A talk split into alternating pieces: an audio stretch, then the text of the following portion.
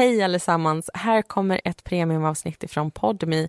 Ett av våra exklusiva avsnitt som vi gör tillsammans med dem och som man kan eh, lyssna på i deras app. Och nu när det är höst och det är uppehåll mellan våra säsonger så tänkte vi att ni skulle få lyssna på två av de här avsnitten. Ett litet smakprov helt enkelt från just vår premiumsäsong. Faller det i smaken då kan man lyssna på flera reklamfria Mordpodden-avsnitt genom att teckna abonnemang på podmi.com. 29 kronor i månaden kostar det och vill man få tillgång till alla deras poddar då kan man betala 69 kronor i månaden.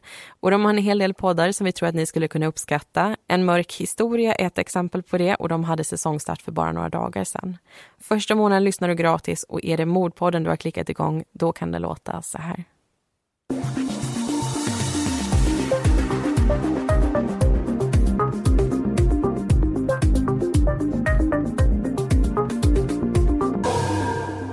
När en 19-årig tjej hittas mördad i sin lägenhet i Landskrona är frågorna många. Polisen gräver i hennes bakgrund och hittar mer än de kunnat ana. Trots hennes ålder har hon varit med om mycket i sitt liv. Blivit kidnappad och bortgift, flytt från ett land till ett annat och hotats av sina nära och kära. Det enda hon ville var att leva ett vanligt liv och fatta sina egna beslut. Men det stämde inte överens med hennes familjs värderingar. Rädslan har haft henne i ett järngrepp den senaste tiden när polisen dyker upp den där kvällen har hon mottagit över hundra hugg.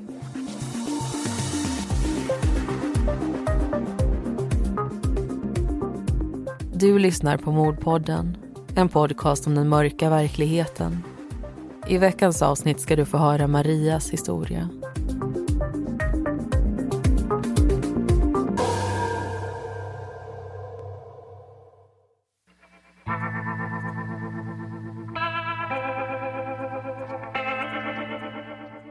Syskon kan vara några av de människor vi står närmast här i världen.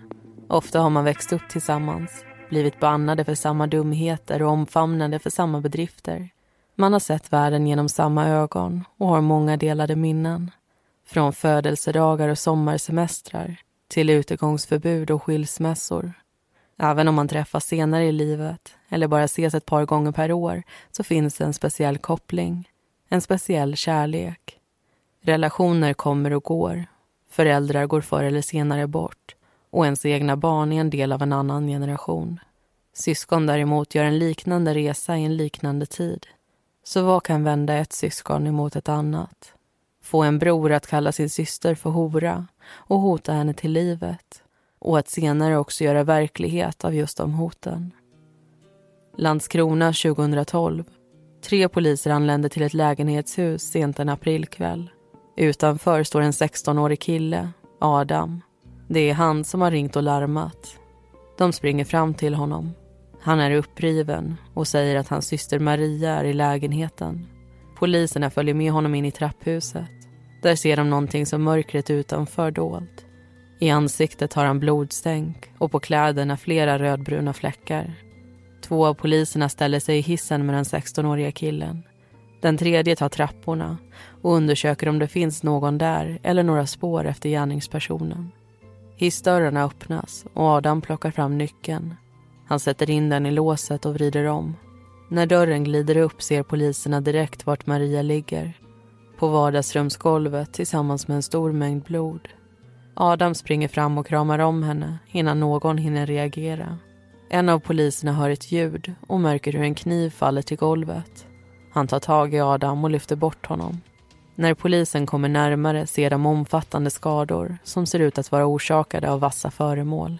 Intill kroppen ligger två knivar och en sax. De söker efter livstecken men hittar inga. En av poliserna frågar Adam vad det är som har hänt. Han är ängslig och förvirrad och vill veta vart ambulansen är. Den anländer kort därpå. Men skadorna är för många och för stora för att Marias liv ska gå att rädda. När de står ute i trapphuset vill Adam ringa några samtal.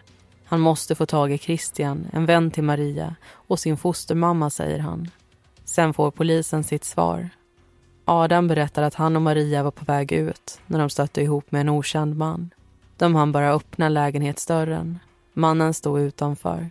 Han tryckte sig in i lägenheten och gav sig på Maria. Efter ett tumult hamnade Adam ute i trapphuset med en låst dörr mellan sig själv och systern. Kvar i lägenheten var också den okända mannen. Några minuter senare flög dörren upp och mannen sprang därifrån. Adam rusade in. När han insåg att han inte kunde hjälpa systern ringde han till 112. Polisen lyssnar på det han säger men hon får en känsla av att Adams ord och känslor inte är äkta. En andra polispatrull kommer dit och man gör nu en slagning på Adams personnummer. Det ger en träff. De får reda på att den 16-åriga killen som står framför dem tidigare hotat både sin mamma och den nu döda systern. Adam grips. Han tas till polisstationen och får lämna ifrån sig sina blodiga kläder. En rättsläkare ser också över sår som han har på händer och fingrar. De fotas. I lägenhetshuset dokumenteras det också.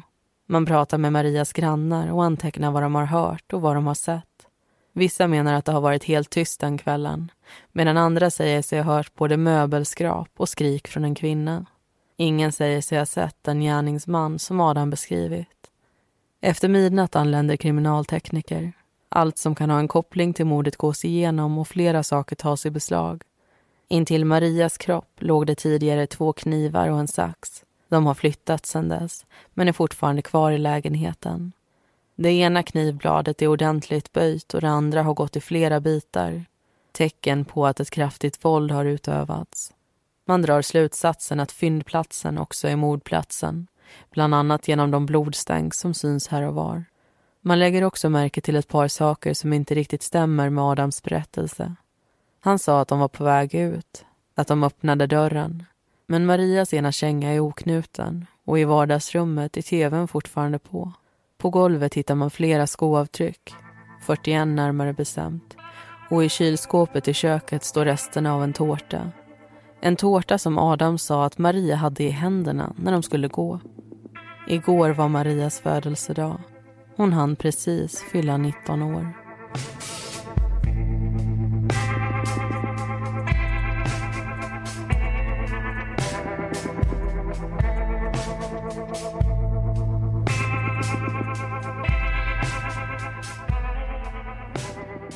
Då har det blivit dags att diskutera det här fallet och jag och Linnea vi ska prata om tvångsgiftermål och barnäktenskap. Men först så tänkte vi sammanfatta vad som har kommit fram i den här första berättelsen. Det är alltså en 19-årig tjej som hittar stöd och hennes 16-årige bror grips. Mm. Och det är ett par anmärkningsvärda saker som jag tänkte att vi ska ta upp eller gå in djupare på som vi hade med i just berättelse 1. Och det första det är de här blodstänken som Adam har i ansiktet.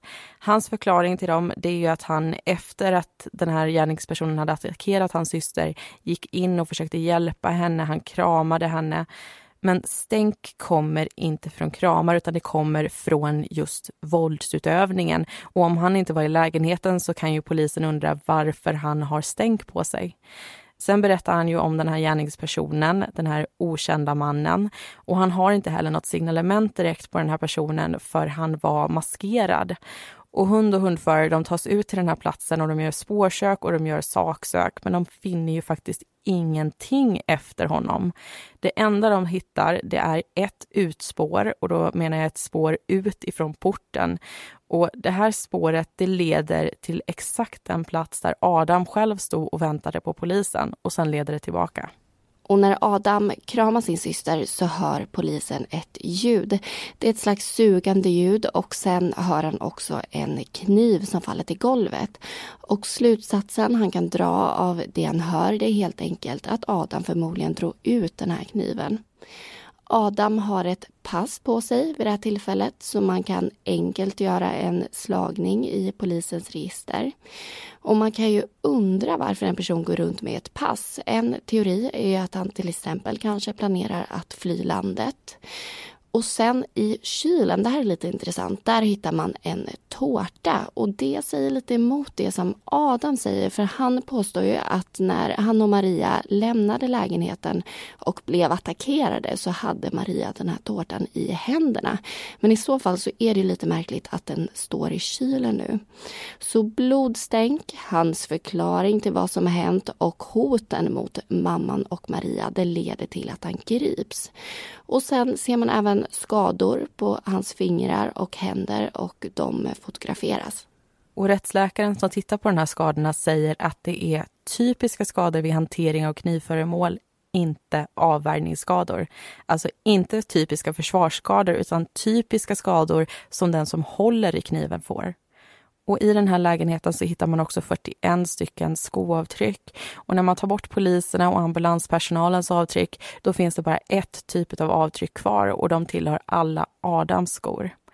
Vi ska byta spår lite. Vi ska prata om tvångsgiftermål och barnäktenskap som Amanda sa här lite tidigare. Eh, det här är ju väldigt känsliga ämnen, men det är också väldigt viktiga ämnen att prata om tycker jag. Och det är också lite förberedande inför det som vi kommer få höra i berättelse två, då vi ska hoppa tillbaka lite i tiden och eh, prata om Marias uppväxt. Och det är alltså 12 till 14 miljoner flickor som gifts bort varje år. I mina öron är det en ganska chockerande siffra faktiskt. Mm. Och när man är under 18 år så kallas det för barngiftermål och det sker nästan 40 000 barngiftermål varje dag. Och det innebär ofta att de här flickorna tvingas sluta skolan, utsätts för våld och sexuella övergrepp och också blir gravida i väldigt unga åldrar. Och det här det är ju vanligast i utvecklingsländer söder om Sahara i Afrika. Hej, jag Ryan Reynolds. Recently, I asked Mint Mobiles legal team if big wireless companies are allowed to raise prices due to inflation. They said yes. And then when I asked if raising prices technically violates those onerous two-year contracts, they said, what the f*** are you talking about, you insane Hollywood ass?" So to recap, we're cutting the price of Mint Unlimited from $30 a month to just $15 a month. Give it a try at mintmobile.com slash switch. $45 up front for three months plus taxes and fees. Promoting for new customers for limited time. Unlimited more than 40 gigabytes per month. Slows. Full terms at mintmobile.com. Sydasien och eh, Mellanöstern. Och jag har faktiskt träffat en av de här flickorna och eh, pratat med henne om det här. Det var när jag gick på gymnasiet och eh, fick chansen att åka till Bangladesh. Då träffade jag en tjej i eh, min egen ålder och vi fick väldigt fin kontakt. Och då berättade hon att hon var gift, men att hon var gift med en man som hon inte älskade. Och sen berättade hon bakgrunden kring det här. Hon hade gått och blivit superkär i en kille. Han var också kär i henne, men eh, det var inte tillåtet för henne av hennes föräldrar att bli kär och skaffa en pojkvän. Så hon och den här killen träffas i smyg på väg till skolan. Så de möts upp varje dag och det blir liksom deras tid de får tillbringa tillsammans med eh, varandra. Och de tror ju att de lyckas hålla det här i smyg men av någon anledning så upptäcker hennes föräldrar det här. Hon vet inte att de har upptäckt det men en dag när hon kommer hem från skolan så säger de att de har en överraskning till henne. Så hon får följa med dem, har ingen aning om vart hon ska men det visar sig att de för henne till hennes eget bröllop. Så hon får gifta sig med en man hon aldrig har träffat tidigare och det här eh, gör de då för att eh, de annars är rädda att hon ska gå och bli tillsammans med den här killen som hon har träffat på egen hand. Mm. Och där har vi ju ett svar på just varför en förälder vill gifta bort sitt barn. Mm. Men det finns ju fler svar på den här frågan som är eh, ganska så universella. Och som vi pratade om innan så är utvecklingsländer särskilt drabbade av det här. Och i dem så finns det också en utbredd fattigdom. Så där handlar det ofta om pengar. Genom ett giftermål så ser de att deras barn får en chans att bli omhändertagna ekonomiskt. Och samtidigt blir det också mindre ekonomisk stress för familjen. Alltså en mun mindre att eh, mätta detta. Och det här blir särskilt sant om man också kan sälja sitt barn, alltså att man kan få ekonomisk ersättning för det här giftermålet.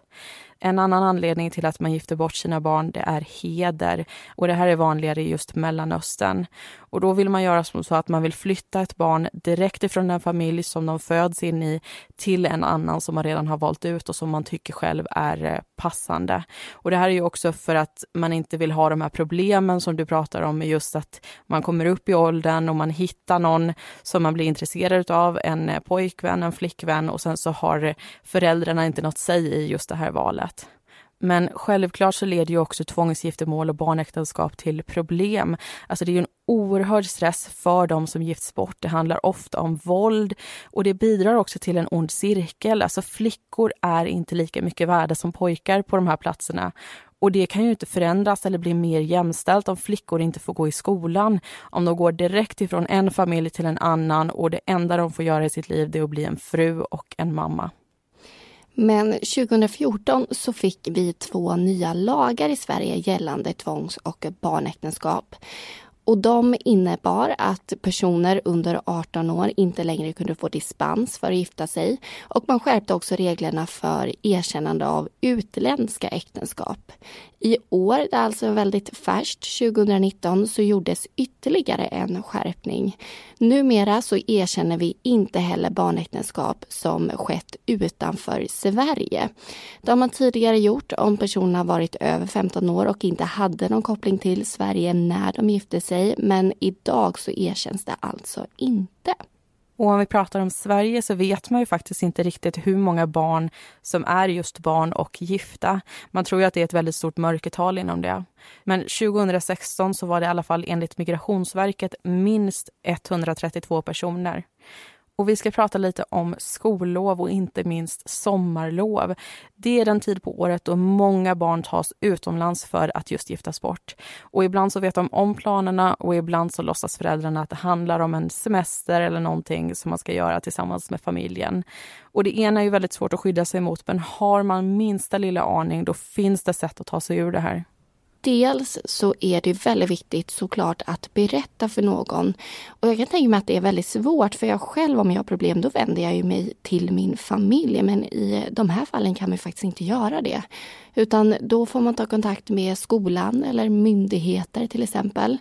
Och om man då eh, kommer med sin familj till en flygplats och riskerar att det som du pratar om Linnea kommer hända så kan man lägga en sked i sina underkläder. Och det beror på att metalldetektorerna då ger utslag och man leds in i ett privat rum där man kan förklara vad som håller på att hända och då få hjälp och skydd. Och det som också är väldigt viktigt att komma ihåg det är att man inte är ensam. Det är väldigt lätt att tänka det när man befinner sig i en svår och jobbig situation. Men det finns alltid andra människor som går igenom det som du går igenom. Och i nästa diskussion så ska vi prata mer om hedersvåld och var man kan ta hjälp då. Och all den här informationen som vi har pratat om i den här diskussionen kommer från SVT och Unicef. Och med all den här informationen så ger vi oss in i nästa berättelse som utspelar sig på 90-talet.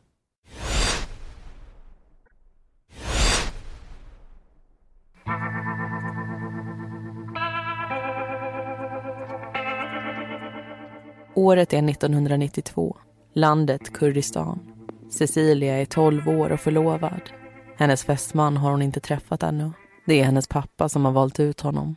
Men hon vet att hans namn är Abraham och likt Cecilia och hennes familj så är han kurd. Men han bor inte i Kurdistan utan i Sverige och han är många år äldre än henne. När Abraham kommer ner till familjen i Kurdistan får paret några dagar på sig att lära känna varann. Sen är det dags för bröllop på bröllopsnatten. Efteråt åker Abraham tillbaka till Sverige. En tid senare kommer Cecilia efter med ett förfalskat pass. Det är hennes pappa som ordnat det. Och istället för 12 år står det att hon är 19. När flygplanshjulen tar i backen på Arlanda är det dags att inleda ett nytt liv i ett nytt land. Vare sig Cecilia är redo eller inte. Och i hennes 12-åriga mage vilar redan ett barn. I en annan mage vilar ett annat barn. Ett syskon. Abraham har nämligen varit med en annan kvinna, Ingela. Och trots att han försökt få henne att göra abort så kommer hon inte göra det. Året därpå föds två flickor. Cecilias dotter Maria och Ingelas dotter My. Två år efter Maria får Cecilia och Abraham sitt andra barn, Adam. Och ett år efter det, Omar. De tre barnen växer upp tillsammans i Stockholm. I samma stad som systern My och hennes mamma. Det dröjer dock fem år innan flickorna träffas. De vuxnas intriger har hållit dem isär. Med kontakten till systern My kommer också en extra mamma in i bilden, Ingela. När Maria tycker att det är jobbigt ringer hon till henne och berättar att föräldrarna bråkar. Efter åtta år tillsammans skiljer sig Cecilia och Abraham. Åren har likt många andra barnäktenskap kantats av hot, våldtäkt och misshandel. I och med skilsmässan lämnar Cecilia huvudstaden och bosätter sig i Dalarna. Maria och hennes två bröder bor därefter växelvis hos föräldrarna. 2004, när Maria är 11 år, åker hon, Adam och Omar till Tyskland med pappan. Det är jul och de är där för att hälsa på släktingar. Det är i alla fall vad som sägs. Det som inte sägs men snart upptäcks är att Abraham inte har Cecilias tillstånd att ta barnen ur landet. Och resan slutar inte i Tyskland utan i Kurdistan. Han har kidnappat sina barn och vägrar nu låta dem åka hem. De kommande åren är det tyst. Ingen hör något från barnen. Och oavsett hur Cecilia försöker så lyckas hon inte få hjälp att hämta hem dem. Våren 2009 är Maria 16 år. Hennes pappa håller hårt i tradition och menar nu att det är dags för hans dotter att gifta sig. Mannen som kommer stå bredvid henne på den speciella dagen väljer han ut själv, precis så som han själv blev utvald. Den 5 maj tittar Maria upp på sin nästintill dubbelt så gamla make.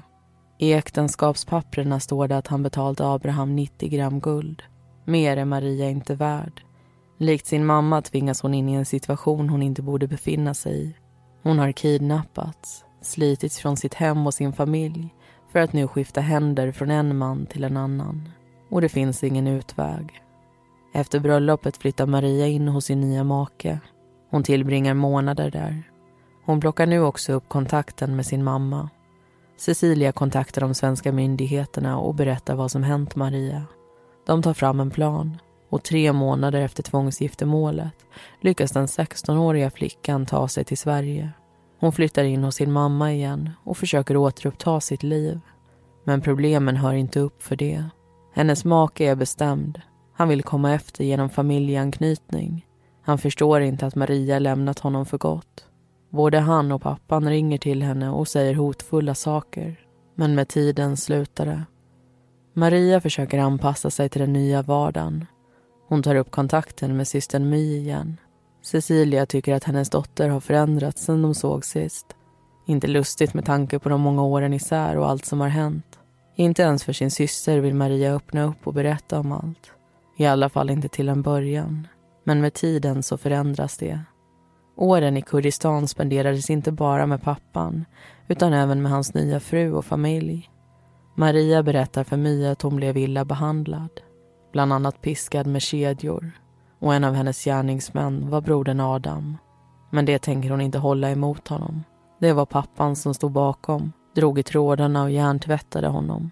Och han är fortfarande hennes lillebror. 2010 lär Maria känna Fadi. De träffas på ett bröllop. Maria får egentligen inte ha en pojkvän, men det är en regel som hon tänker bryta. Den numera 17-åriga tjejen har fortfarande kontakt med båda sina bröder. En dag hör Adam av sig och berättar att det är hans tur. Pappan har valt ut en kvinna som han ska gifta sig med. Problemet är att Adam inte vill. Istället vill han tillbaka till Sverige och mamman och Maria. Varken Cecilia eller Maria tvekar. De ska få honom därifrån. Så är det bara. Mamman tar kontakt med utrikesdepartementet Hey, I'm Ryan Reynolds. Recently, I asked Mint Mobile's legal team if big wireless companies are allowed to raise prices due to inflation. They said yes. And then when I asked if raising prices technically violates those onerous two year contracts, they said, What the f are you talking about, you insane Hollywood ass? So to recap, we're cutting the price of Mint Unlimited from $30 a month to just $15 a month. Give it a try at mintmobile.com slash switch. $45 upfront for three months plus taxes and fees. Promo for new customers for limited time. Unlimited more than 40 gigabytes per month. Slows. Full terms at mintmobile.com. och en människorättsorganisation som heter Asuda. Med deras hjälp kan Adam fly och i augusti 2010 är också han tillbaka på svensk mark. Men problemen följer efter de två syskonen. Adam stannar bara hos mamman i två veckor. Mer än så går inte. Han flyttar in hos sin morfar en tid och blir sen placerad i ett familjehem. I början av 2011 ringer Maria till polisen. Hon berättar att hon har blivit slagen och inne på sitt rum men att dörren inte går att låsa. En polispatrull åker dit och hon separeras från mamman och hennes familj. Hon blir placerad i ett jourhem, sen ett familjehem någon månad senare firar Maria sin 18-årsdag med systern My och hennes mamma Ingela. Det börjar med paket på sängen och avslutas med en kväll på stan. Systrarna gör sig i ordning tillsammans. My lägger märke till att Maria har blivit mer lågmäld. Hon vill inte ta plats och saker som är självklara för My är inte självklara för Maria. Hon frågar om hon inte är en hora när de dansar tillsammans med några vänner. My säger nej. Så småningom får Maria flytta in i en egen lägenhet. I veckorna studerar hon på gymnasiet. Hon vill bli hårfrisör när hon är klar med studierna. Relationen med Fadi är över. Den varade i ungefär ett och ett halvt år. Den senaste tiden har Maria pratat med mig om att flytta till Stockholm så att de kan vara närmare varann. Men planerna förblir just planer. För medan två syskon kommer allt närmare varann så har ett tredje syskon valt en annan väg. Och med det beslutet kommer alla deras liv förändras.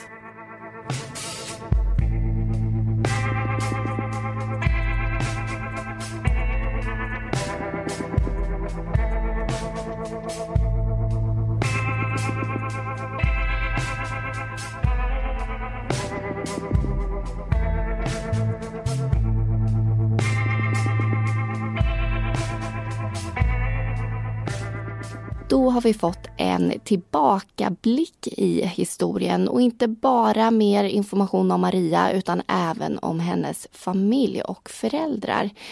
Och den här bakgrunden den innefattar ju både kidnappning, tvångsgiftermål och våld. Men till slut så lyckas ju först Maria men sen även Adam komma tillbaka till Sverige. Men frågan är ju hur man mår när man har något sånt här i sitt bagage. Mm. Och mamman hon säger ju att Maria hon är väldigt dåligt psykiskt skick när hon kommer tillbaka. De här upplevelserna och allt hon har varit med om det gör att hon har svårt att anpassa sig till eh, livet i Sverige igen. Och vi får inte glömma att när hon kidnappas så är hon 11 år. När hon kommer tillbaka så är hon 17 år. Alltså det är viktiga år, det är mycket som händer under den tiden och jag förstår att det är svårt att anpassa sig till en vardag som man inte har sett på så många år. Och systern My hon säger ju att efter att Maria kommer tillbaka så är hon osäker och hon är otrygg. Och det här ser vi också i berättelsen att hon är otrygg i just sig själv. Hon vill inte ta plats. Hon undrar om hon är en hora när hon gör vissa saker. Och det här har ju att göra med att värderingarna i hennes familj i just Kurdistan, det är ju annorlunda från den miljö som hon har runt omkring sig idag. Och nu tänker jag inte specifikt på familjen, utan jag tänker på klasskamrater, människor hon ser på sin fritid, vänner, sin syster My och så vidare. Och jag kan tänka mig att det är väldigt svårt för henne att röna ut vad hon själv tycker när man har just de här väldigt eh, annorlunda värderingarna. På ena sidan är det si och på andra sidan är det så och de stämmer inte överens på något plan egentligen. Och hon har det också väldigt tufft även i Sverige. Systern My säger att Maria berättar att hon har blivit slagen hemma och att hon kastas ut från sin mammas bostad eftersom hon inte vill följa hennes regler. Och det är ju väldigt stränga regler. Hon får till exempel inte ha någon pojkvän men det här bryter ju Maria mot i och med att hon förälskar sig i Fadi. Mamman däremot hon menar att det inte alls är vad som hände och det är inte alls därför Maria flyttade. Men året efter Maria kommer hem så kommer ju också Adam. Och även om de här syskonen har varit med om samma sak så påverkas de väldigt olika. Ja, Maria hon är ju väldigt mycket för att hon vill ha tillbaka sin frihet, hon vill ta egna beslut, hon vill bestämma vad som händer i hennes liv. Hon skaffar pojkvän i Fadi, hon skaffar egen bostad, hon vet vad hon vill göra i sitt yrkesliv och så vidare. Jag skulle säga att man kan sammanfatta henne med ett ord och det är självständig. Adam däremot, när han kommer tillbaka ifrån Kurdistan så är han ju väldigt besviken på sin mamma. Han känner att hon har övergett sina barn och låtit pappan ta över i just alla de här åren. Och han är heller inte så glad åt att hon har skaffat en ny man och en ny familj tillsammans med honom. Och Adam han bor hos mamman i två veckor, sen funkar det inte längre emellan dem. Han hotar mamman, han hotar Maria till livet och när poliserna senare pratar med honom då blir det tydligt att han fortfarande har en ganska stor respekt för sin pappa.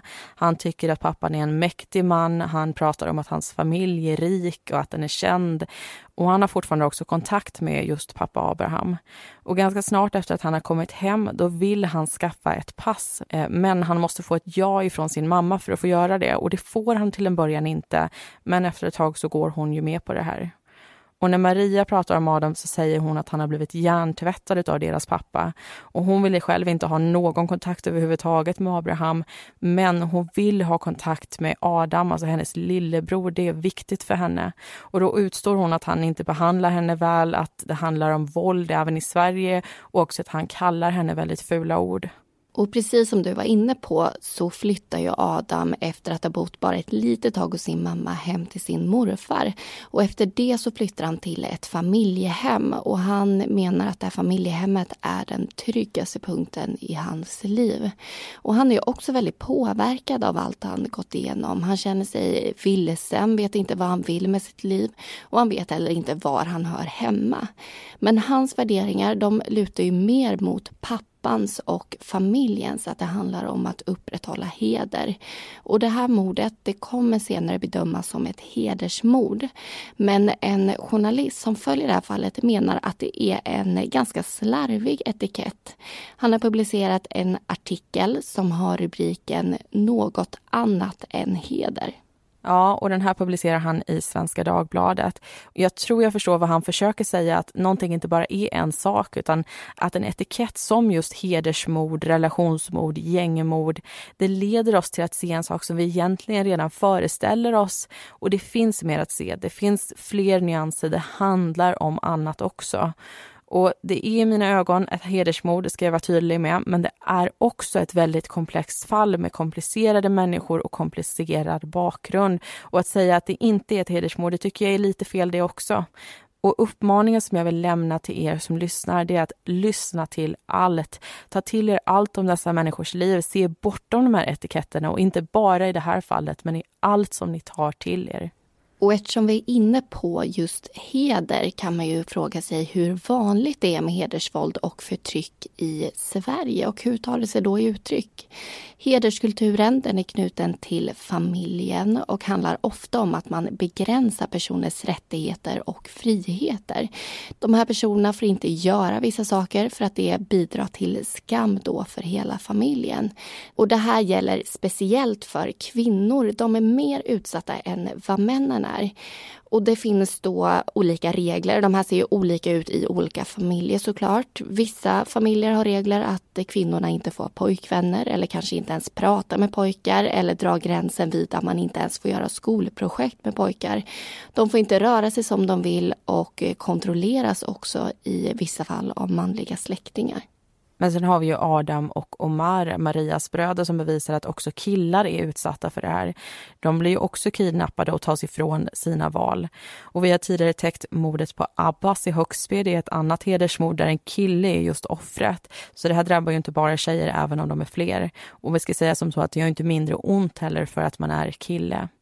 Och bryter man mot de här kulturella reglerna som du berättade om, Amanda, då straffas man ju oftast. Och det kan handla om fysiskt våld, men det kan också handla om utfrysning eller hot. Och jag tycker att man ska inte underskatta just det här våld eller hot om våld. Hur det påverkar en människa, vare sig man är 16 år eller man är 60 år. Familj är ju familj och man kan älska någon som skadar en. Särskilt när man är barn och det handlar om ens mamma, ens pappa hjälpa ens bröder. Och att bryta mot just hedern, innebär skam. Och skam, det är ju en oerhört stark känsla. Vi kan ju skämmas för vad som helst om andra tycker att det är någonting som vi borde skämmas för. Och det är inte en bra känsla i maggropen när andra tittar på en på ett sånt sätt och när de uttrycker att man har gjort någonting fel, någonting som är värt att skämmas för. Och 2014 så gjordes en utredning som skulle visa hur många som utsätts för hedersvåld i Sverige. Svaret det blev 100 000 personer per år och sedan dess har den här siffran bara ökat. Och det menar flera människor som är aktiva i organisationer mot just hedersvåld. Men vad är då anledningen till det här? Beror det på att det är mer våld nu än tidigare eller är det kanske så helt enkelt att det är fler som vågar ta kontakt och prata om det här? Det är ju väldigt svårt att att eh, avgöra det. Men det finns många olika organisationer som kan hjälpa vid hedersvåld. Och som vi sa i den förra diskussionen så är man inte ensam även om det kan kännas så. GAPF det är en riksorganisation som står för Glöm aldrig Pela och Fadime, två kvinnor som har fallit offer för just hedersvåld. Elektra, det är en annan organisation. De har kontor i Stockholm, Göteborg och de har även i Kalmar. Sen finns det Linnamottagningen, de är öppna för både killar och tjejer.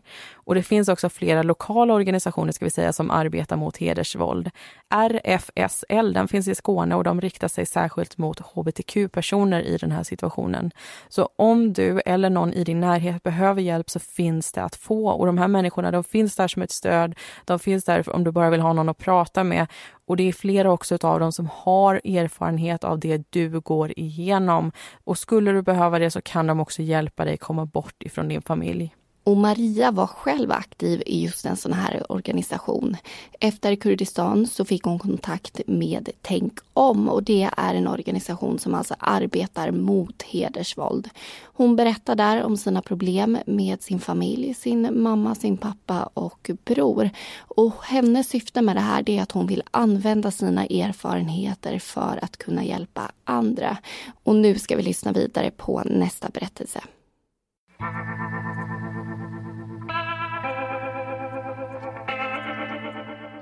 Den 22 april fyller Maria 19 år. Det är en söndag och hon har själv bakat en tårta. Under dagen kommer ett par socialsekreterare hem till henne och firar milstolpen. Ända sedan hon kom tillbaka till Sverige har hon haft kontakt med socialtjänsten. Det är de som har ordnat med hennes lägenhet och lyssnat till hennes berättelser. De vet att hon inte har mått bra periodvis och att orken i skolan då trytit. Det har inte varit lätt att gå igenom det hon har gått igenom och sen bryta med både sin mamma och sin pappa. Kontakten med Abraham tog slut för två år sedan. Kontakten med Cecilia ett år senare. Maria kunde inte följa hennes regler och när mamman hotade med att hon skulle giftas bort igen så blev hon rädd. Enligt mamman var det inte okej för Maria att bo ensam. Det var emot deras värderingar, något hon också sa till socialtjänsten. En utredning gjordes för att se om Maria borde ha skyddat boende. Maria själv ville inte och det blev aldrig av. Ingen i hennes familj har vetat vart lägenheten ligger. Men bara för någon dag sedan så ändrades det. Maria ringde då till My och sin vän Christian. Hon var upprörd och berättade för dem båda att Adam fått reda på vart hon bor. Till Christian sa hon att brodern hade följt efter henne hem. Vännen vet inte så mycket om syskonens historia och förstod inte varför Maria tyckte att det var så hemskt. Maria erbjöd heller ingen förklaring. Christian och hon står varandra nära, men pratar inte om allt det där mörka. De pratar däremot ofta och den 23 april är inget undantag. I samtal och sms säger Maria att hon är tillsammans med sin bror Adam under måndagskvällen. De kom i kontakt med varandra för bara några dagar sedan och Adam sa att han ville vara med och fira hennes födelsedag. Något som Maria också gick med på. I familjehemmet där Adam bor är allt som vanligt den dagen. När Adam först kom dit var han vilsen, osäker, men med tiden har han funnit sig till rätta. 16-åringen är öppen och glad, trevlig och lugn. Vid ett par tillfällen har Maria varit där och hälsat på. Föräldrarna i huset kunde då se likheterna mellan syskonen. Maria verkade lika glad och öppen som sin lillebror. Och Adam i sin tur verkade omtänksam när han följde henne till bussen efter varje besök. Den här kvällen skippar han kvällsmiddagen och får skjuts in till stan. Han och Maria går iväg och tar en fika in i centrum. Sen beger de sig hem igen till hennes bostad. De stiger in i lägenheten och Adam ser sig om. De umgås i flera timmar. Utomhus har det blivit mörkt och klockan närmar sig elva. Under kvällen har Maria och Christian pratat i telefon och smsat med varann. De kommer överens om att Maria ska komma över med resterna av tårtan när Adam har gått. Men hon kommer aldrig. Vad som händer i lägenheten den kvällen kommer vi aldrig få svar på till 100 procent. Tingsrätten kommer senare fram till att mordet har varit planerat. Så kanske är det bara rätt tid och rätt omständigheter som får Adam att plocka upp knivarna och att hugga sin syster över hundra gånger i ett försök att återupprätta familjens heder. På morgonen ringer Adams fostermamma till hans telefon. Han hade förvarnat att han skulle sova över om han missade sista bussen hem. Hon vill nu veta hur syskonen haft det och om Adam kommit iväg till skolan i tid. Men tonerna bara fortsätter. Adam svarar inte. Sin mobiltelefon har han inte tillgång till då han sitter anhållen. I förhörsrummet berättar han ingen annan version än den med den maskerade gärningsmannen. Att han själv skulle vara Marias mördare nekar han till. I andra förhörsrum får polisen lyssna till andra historier. Flera människor i Marias närhet berättar att hon var rädd för Adam. Inte till en början, men det utvecklades med tiden. Efter att Adam kom hem från Kurdistan försökte han vakta på henne och kontrollera det hon gjorde. Han kunde säga riktigt elaka saker om henne. Att hon var en slampa, en hora och en skam för familjen. Han kunde fråga henne vem hon umgicks med när han hörde röster i bakgrunden av deras samtal. För att kontrollera att det var en tjejkompis och inte en kille fick Maria räcka över luren. Hennes expojkvän Fadi berättar att Adam var anledningen till att deras relation tog slut. Under tiden som de var tillsammans hotade han både honom och Maria. Vid ett tillfälle blev Fadi misshandlad av brodern. Adam sa att han skulle knivhugga Fadi om de fortsatte att ses. Han gjorde slut med Maria efter det, men hoten fortsatte. För en person i organisationen Tänk om, som jobbar mot hedersvåld och som Maria själv var delaktig i, berättade Maria om konflikterna i familjen. Hur hon älskade sin familj, men inte kunde leva efter deras viljor. Hon sa också att Adam hade varit förbi hennes bostad och att hon inte hade vågat öppna dörren. Hon var rädd för att han skulle ta livet av henne. När mamman får frågor om varför Maria var med i Tänk om menar hon att det var för att hjälpa. Att Maria själv skulle haft erfarenhet av hederskultur vill mamman inte kännas vid. Till en början är Cecilia själv misstänkt men innan utredningen leder till åtal så avskrivs hon. En person som är expert på hedersvåld uttalar sig i domen. Hon säger att hedersmord aldrig är något som en person utför. Det finns alltid fler bakom beslutet och det är ofta en lång process som har lett dit.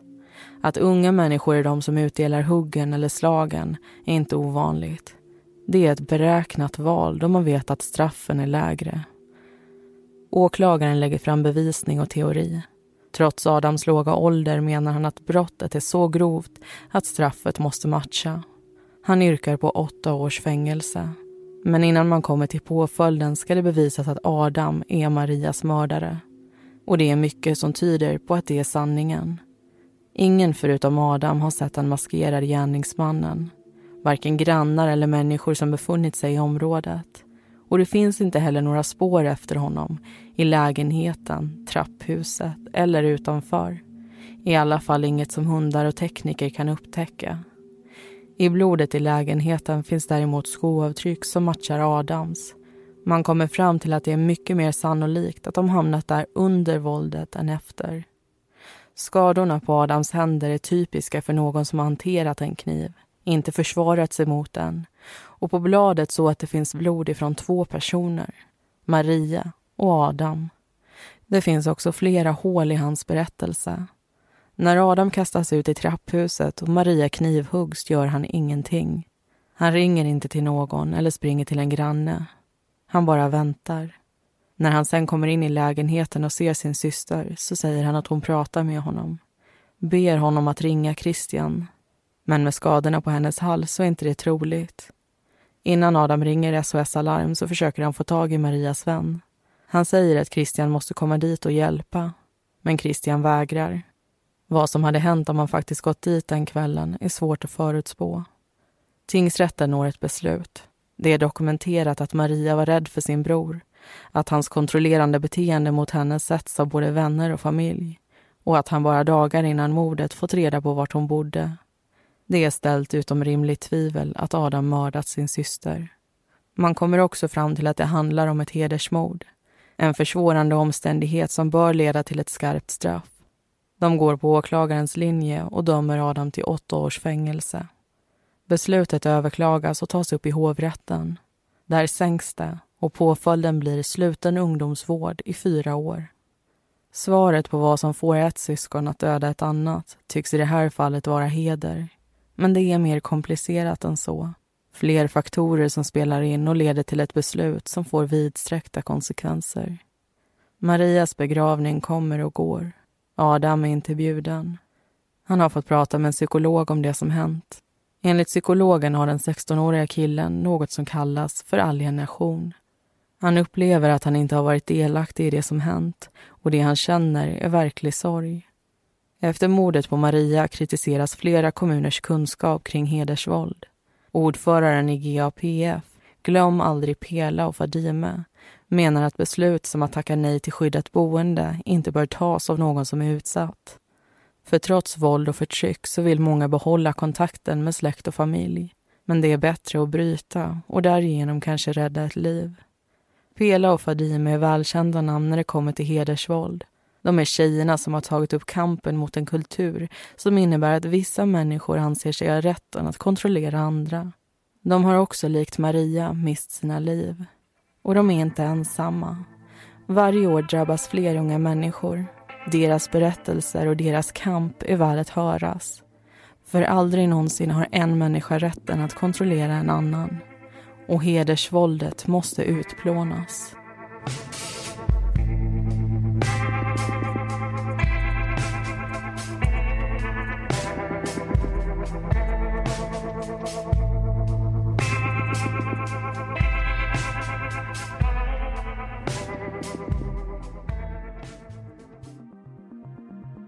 Tack så mycket för att du har lyssnat på det här avsnittet. Alla förutom Maria heter egentligen någonting annat. Och informationen den har vi hämtat ifrån domarna i fallet, ifrån den nordiska kriminalkrönikan från 2015 och artiklar ifrån Svenska Dagbladet och SVT. I april är vi tillbaka med ett nytt premiumavsnitt. Missa inte det.